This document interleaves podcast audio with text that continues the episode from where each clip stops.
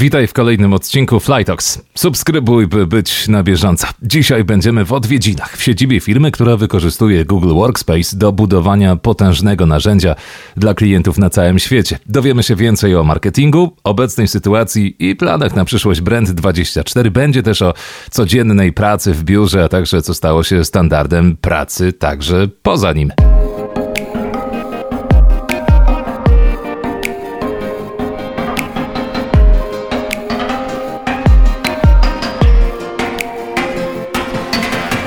Zapraszam na fotel tam. Fotel CEO. Proszę się czuć jak u siebie. O, fotel jak z gry o tron. Jest CEO, y, jest też Justyna Dzikowska, Head of Marketing, Brand24. Odwiedzamy Was y, w Waszej siedzibie. Dzień dobry. W ogóle słyszę, że włączyłeś radiowy głos. A muszę Ci powiedzieć, że nie wyglądasz na radiowca. E, to, y, to słuchaj, to może po radiowemu, Michale, narysujesz własne biuro. Dla tych, którzy słuchają, jesteśmy na 328 piętrze e, Burj Khalifa w Dubaju. Widok z prawej strony na marinę, a z lewej strony na downtown Dubaj. A tak naprawdę jesteśmy tutaj od czterech lat, e, z Trzegomska we Wrocławiu, więc sól tej ziemi. Biuro, z którego przenieśliśmy się wychodząc z Business Linka, gdzie współdzieliliśmy przestrzeń z wieloma innymi firmami. To był już dobry moment, żeby, żeby gdzieś tam powoli wykonać ten kolejny krok i mieć trochę własnej przestrzeni. Tutaj wchodząc, z te, byliśmy z tego biura bardzo dumni, zresztą do dziś nadal pracuje nam się tutaj bardzo dobrze. Przydałoby się pewnie w okolicy trochę więcej cywilizacji, bo Strzegomska nie słynie z doskonałej kuchni, e, mnogości knajp i życia nocnego e, po pracy, ale jest nadal całkiem spoko. Miło to u was, już y, słyszałem parę legend o tym miejscu pracy. Nazywacie je jakoś wewnętrznie? Po prostu biuro. Jeśli szukamy jakiejś anegdoty związanej z biurem, to taką anegdotą jest pewnie basen na dachu, który jest takim trochę memem, bo był jednym z głównych powodów, dla których wybraliśmy to biuro, sobie już wyobrażaliśmy te imprezki, powiedzmy po pracy. Jest naprawdę basen na dachu, jest otoczony fajną, taką drewnianą podłogą, wielki, wielki basen, nie taki na dwie osoby, tylko na powiedzmy nawet pewnie z 20 osób, ale nigdy nie ruszył. Był nawet pewien moment, kiedy była już w nim woda i wszyscy już szykowali kąpielówki i robili chodakowską po godzinach i niestety nadal do dziś, po czterech latach tego basenu Czemu? Nie, nie wiadomo, deweloper tutaj, czy, czy, czy właściciel budynku zawsze mówi, że to, jakieś maszyny do uzdatniania brakuje, też ciężko z kasą na to, w pandemii to jakieś specjalne, trzeba mieć uprawnienia, co nie przeszkodziło nam zrobienia tam kilku imprez. To jest właśnie to, co odróżnia nasz kraj od Dubaju, że tam basen prawdopodobnie chyba by działał. To jest w zasadzie jedyna rzecz, która odróżnia nas od, od Burj Khalifa. Tam działa basen podobno. To już chyba słychać, że Brand24 to jest przyjazne miejsce pracy. Czy tu jest naprawdę tak luźno, Justyna? Bardzo luźno. Nie, znaczy nie chcemy tego jakoś e, tak um, używać w komunikacji zewnętrznej. Chyba nie piszemy nigdzie na portalach o karierze, że tu jest luźno i sympatycznie i można być sobą, bo powiedzenie tego wprost oficjalnie brzmi niezbyt chyba przekonująco i też nie brzmi jak główne USP, którego ludzie szukają zmieniając pracę, ale to jest bardzo, bardzo, bardzo miły benefit do tego, że robimy rzeczy ciekawe, wartościowe, takie recognized na jakby globalnym rynku i doceniane przez klientów i oprócz tego jeszcze można być sobą, można być nieśmiałym, można być yy, wybuchowym, można po prostu yy, lubić kawę z mlekiem albo czarną i wszyscy się tutaj yy, odnajdą. Okej, okay, a w czym ty musisz na co dzień się odnajdywać? Czym zajmujesz się w brandzie? Prowadzę dział, teraz brzmi jakbym nic nie robiła, ale prowadzę y, nasz zespół marketingu, który się zajmuje od y, content marketingu przez PR, y, kampanie płatne, SEO, pozycjonowanie w wyszukiwarkach. Jednak jest tego całkiem sporo.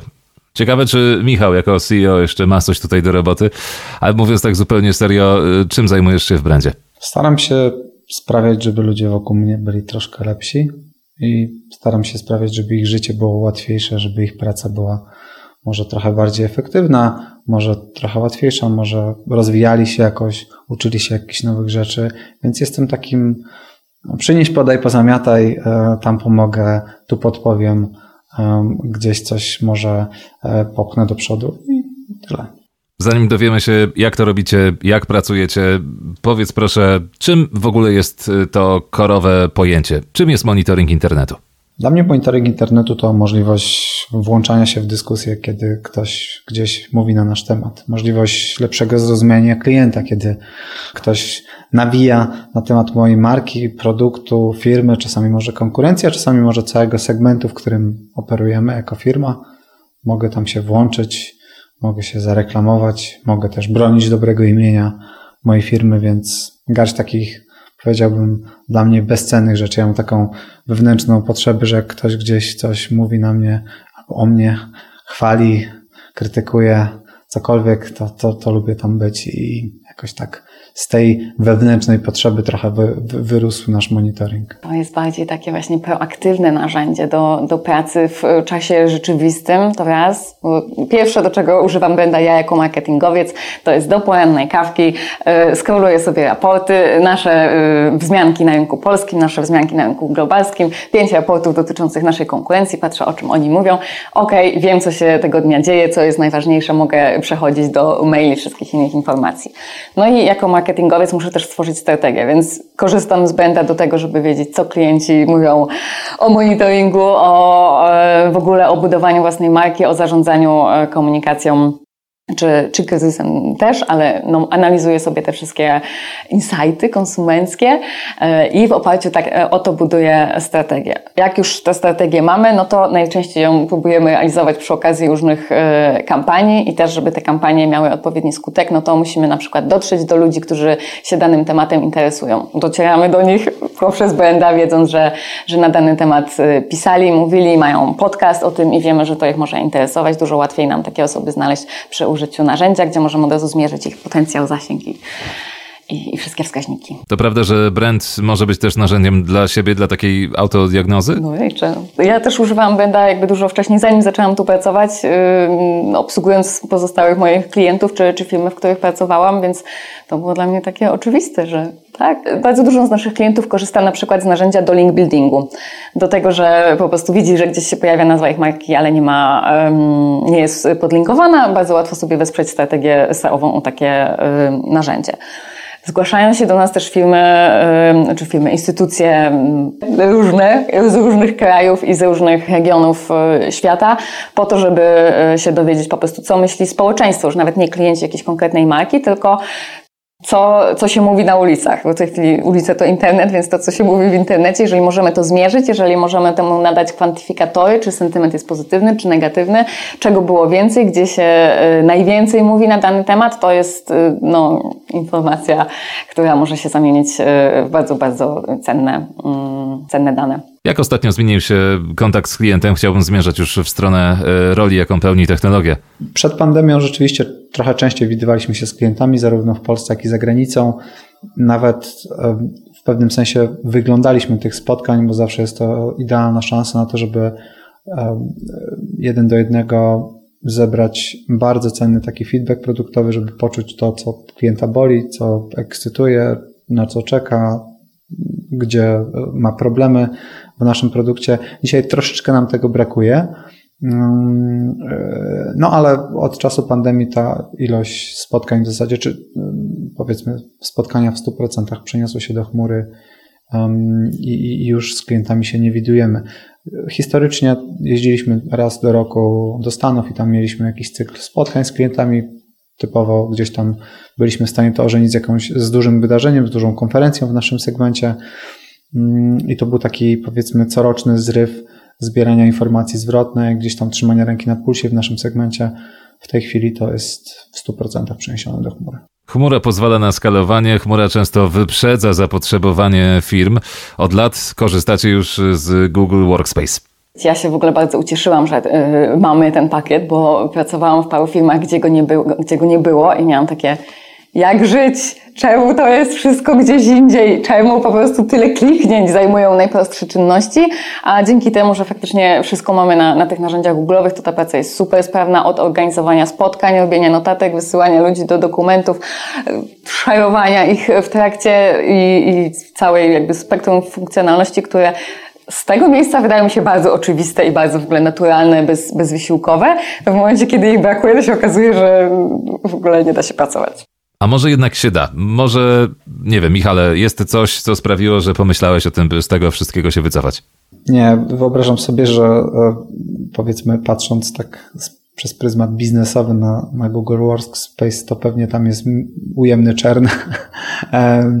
Ciężko mi sobie wyobrazić, żeby ktoś odchodził z tego środowiska, ale jest w 100% skalowalne i ja przyznam, że to, jak mało myślę o, o Workspace z całym szacunkiem do tego, co robicie, jest chyba najlepszą reklamą te, tych usług, bo one tak mocno przeplatają nasze życie biznesowe, że to jest trochę tak jak oddychanie. Nie myślę o tym na co dzień. Nie głowię się nad tym, ile oddechów wykonałem w ostatnią godzinę i pewnie bez tego oddychania byłoby mi bardzo ciężko, ale po prostu nie myślę o tym, wszystko działa.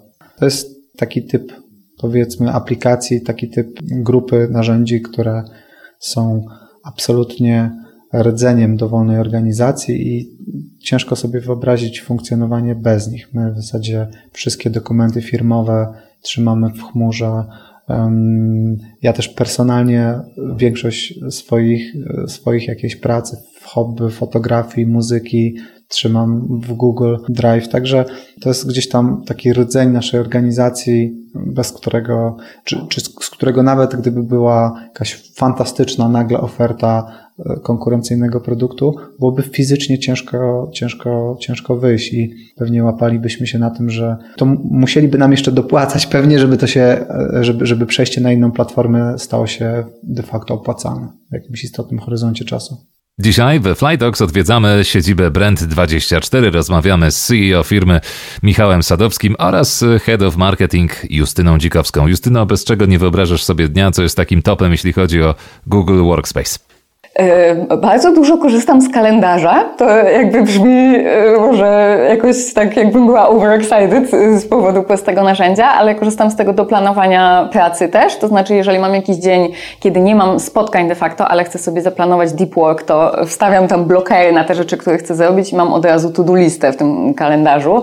I potem ludzie się denerwują, bo na przykład chcą coś szybko zagadać, a wygląda, że mój kalendarz jest zapchany na 8 godzin, ale to mi też umożliwia ten deep work, nie robię tego codziennie codziennie, tylko tam powiedzmy raz na tydzień, dwa i, i to jest super jakby feature, którego myślę, że też twórcy Google nie, nie przewidzieli. No oprócz tego oczywiście skrzynka mailowa w codziennym użyciu, chociaż wewnętrznie bardziej korzystamy ze Slacka e, i bardzo, bardzo dużo spreadsheetów. Na pewno dużo więcej czasu oszczędzam robiąc to wszystko w chmurze.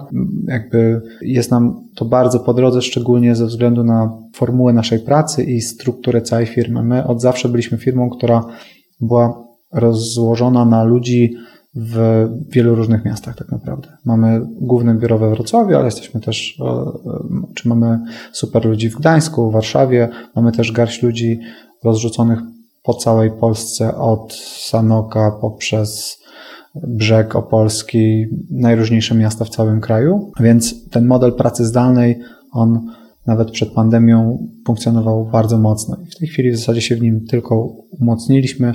Dzisiejsza dość liczna obecność ludzi w biurze jest, myślę, ewenementem. W większość dni myślę, że gro, gro, gro załogi pracuje z domów. Nasz model pracy w tej chwili to jest remote first, gdzie kto chce, to przychodzi do biura. Ja sam nie mam za bardzo warunków do pracy z domu z dwoma córkami, więc e, często jestem gościem w biurze, natomiast e, większość ludzi zdecydowanie woli pracę z domu, przynajmniej na razie. I tutaj chyba zwłaszcza w kontekście pracy zdalnej istotne robią się kwestie bezpieczeństwa. Kwestie security pewnie bardziej przyświecają nam w tej chwili, w tej nowej rzeczywistości i, to jest pewnie rzecz, na którą zwracamy szczególną uwagę e, w tej chwili. Pewnie też trochę od naszego debiutu giełdowego to się stało istotne, no bo mm, jakby bycie spółką publiczną wiąże się z pewnymi standardami bezpieczeństwa, które są może trochę wyższe niż dla większości startupów. Jeśli chodzi o takie tematy już bardziej związane z kulturą organizacji, to powiem szczerze, że taki moment, e, kiedy pandemia zaczęła nam troszkę doskwierać i wpływać na taki, na integrację między ludźmi w zespole, a w zasadzie jej brak, to był taki moment, kiedy jednak te możliwości town halli, spotkań, czy nawet integracji online stały się bardzo istotnym elementem e, funkcjonowania naszej firmy. Możliwość spotkania się wewnątrz zespołów, na piwku e, przysłowiowym po godzinach stała się bardzo istotnym takim elementem budowania nie tylko morale zespołu, ale też takiego poczucia, że ludzie nie są tutaj kontraktorami, tylko są częścią załogi, mają gdzieś tam jakąś wspólną misję, wizję. To teraz pytanie do Head of Marketing. Justyno, po jakie sztuczki, jakie narzędzia sięgasz? To y, dla nas takim głównym narzędziem dowożenia y, klientów jest ruch organiczny. E, korzystamy też z płatnych kampanii e, w Google oczywiście, e, ale ten ruch organiczny zajmuje takie szczególne miejsce w moim sercu, bo to jest coś, co sobie wypracowujemy, jakby dajemy użytkownikom content, po który oni i tak by sięgnęli, i tak go szukają. Robimy to w bardzo taki naprawdę zgrabny, gustowny sposób, nic tam nie wpychamy na siłę, tylko opowiadamy ludziom o tym, jak robić marketing, a że akurat tego szukają w internecie, to, to po prostu do nas przychodzą i to jest uważam takie najbardziej fair podejście do marketingu. Nie, nie, nie dopłacamy do tego e, nie wiadomo ile, po prostu piszemy wartościowe treści i to jest nasz, e, nasz główny kanał akwizycji, co jest super, bo też ci klienci są tacy bardziej lojalni, jak przychodzą z tego źródła. Ale mamy też oczywiście kampanię, mamy e, program partnerski, z którego całkiem sporo klientów do nas przychodzi. Prowadzimy stałą komunikację w mediach społecznościowych. To jest najmniejsze źródło lidów, ale źródło takiego podtrzymania kontaktu, lojalności, zachowania jakby wiarygodności w oczach tych klientów, którzy, którzy chcą mieć poczucie, że pracują z firmą, która po prostu żyje tym marketingiem z dnia na dzień, więc, więc myślę, że też istotne. Jeśli chodzi o nowości, to czy wasze narzędzie monitorujące sieć może teraz pełnić y, jakieś nowe funkcje, jeśli chodzi o detekcję botów, fake newsów, namierzanie internetowych troli? Tak, staramy się w tym względzie mocno działać. Nie nazwą tego może ofertą, bo nie zarabiamy na tym, a raczej dokładamy do tego biznesu, bo rozdaliśmy mnóstwo kont za darmo dla różnych organizacji fact-checkingowych, organizacji walczących z dezinformacją, i rządowych organizacji, które wspierają tego typu walkę. Natomiast sami też staramy się dorzucić jakieś swoje trzy grosze, jakąś malutką cegiełkę i tutaj no, po pierwsze wyłapujemy najpopularniejsze profile mające największy udział w szerzeniu dezinformacji i staramy się zgłaszać je do sieci społecznościowych, żeby w takim idealnym modelu neutralizowały taki profil. Staram się też pośredniczyć w tym procesie, czy wspierać ten proces właśnie w postaci współpracy z różnego typu fundacjami. Współtworzymy wspólnie z nie agencją serwis Zgłoś Trolla, gdzie można zgłosić tego typu działalność. Gdzieś tam my to weryfikujemy i przekazujemy to dalej do sieci społecznościowych Ruszyliśmy z profilem, który demaskuje najpopularniejsze źródła dezinformacji, najpopularniejsze, powiedziałbym, trendy w dezinformacji, więc kiedykolwiek pojawia się jakiś taki fake news w stylu ukraińscy uchodźcy w Polsce dostali numery PESEL, za chwilę będą mm, mogli głosować w naszych wyborach i wybiorą swoje władze i nas wyrzucą z własnego kraju, no to tego typu bzdury po prostu e, jak najszybciej dementujemy, zanim zdołają nabierać trakcję. I Dużo rzeczy udało się osiągnąć, bo w niektórych tematach, fałszywe informacje na temat banderyzacji Polski czy ukrainizacji Polski, udało się drastycznie obniżyć zasięgi tym profilom, które szerzą dezinformację i w ten sposób dorzucić jakąś naszą malutką cegiełkę do tego, żeby w tej cyberwojnie gdzieś tam wygrywać z tą drugą stroną. Coś jeszcze w planach na przyszłość? Czego spodziewać się po brandzie w internecie? To pierwsza taka rzecz, która już się wydarzyła, no ale to jakby długo czekaliśmy i wszyscy już y, się nie mogli doczekać, więc powiem, że to jakby było zaplanowane. To był monitoring e, App Store'a i e, ocen tam. Super rzecz, bo ludzie wypuszczają aplikacje i jakby to nie jest tak, że się o tych aplikacjach mówi na forum internetowym, tylko się mówi w samym App Store. Więc wszystkie jakieś takie nowe kanały, nowe miejsca, gdzie możemy e, po prostu sobie mierzyć, co jest mówione, to jest, to jest dla nas super gadka i myślimy o tym cały czas. Mamy całą roadmapę po prostu miejsc, które chcemy, które chcemy nasz produkt rozwijać. E, jednym z takich najbliższych e, też już w fazie testów jest Telegram. To ze względu na e, wojnę w Ukrainie stwierdziliśmy, że trzeba się bliżej przyjrzeć temu narzędziu, bo ono po prostu jest super istotne w dzisiejszych czasach. I też już mamy grupę testową do, do, do analizy tego, jak nam to wychodzi. Niedługo myślę, będzie można myśleć o, o szerszym zastosowaniu.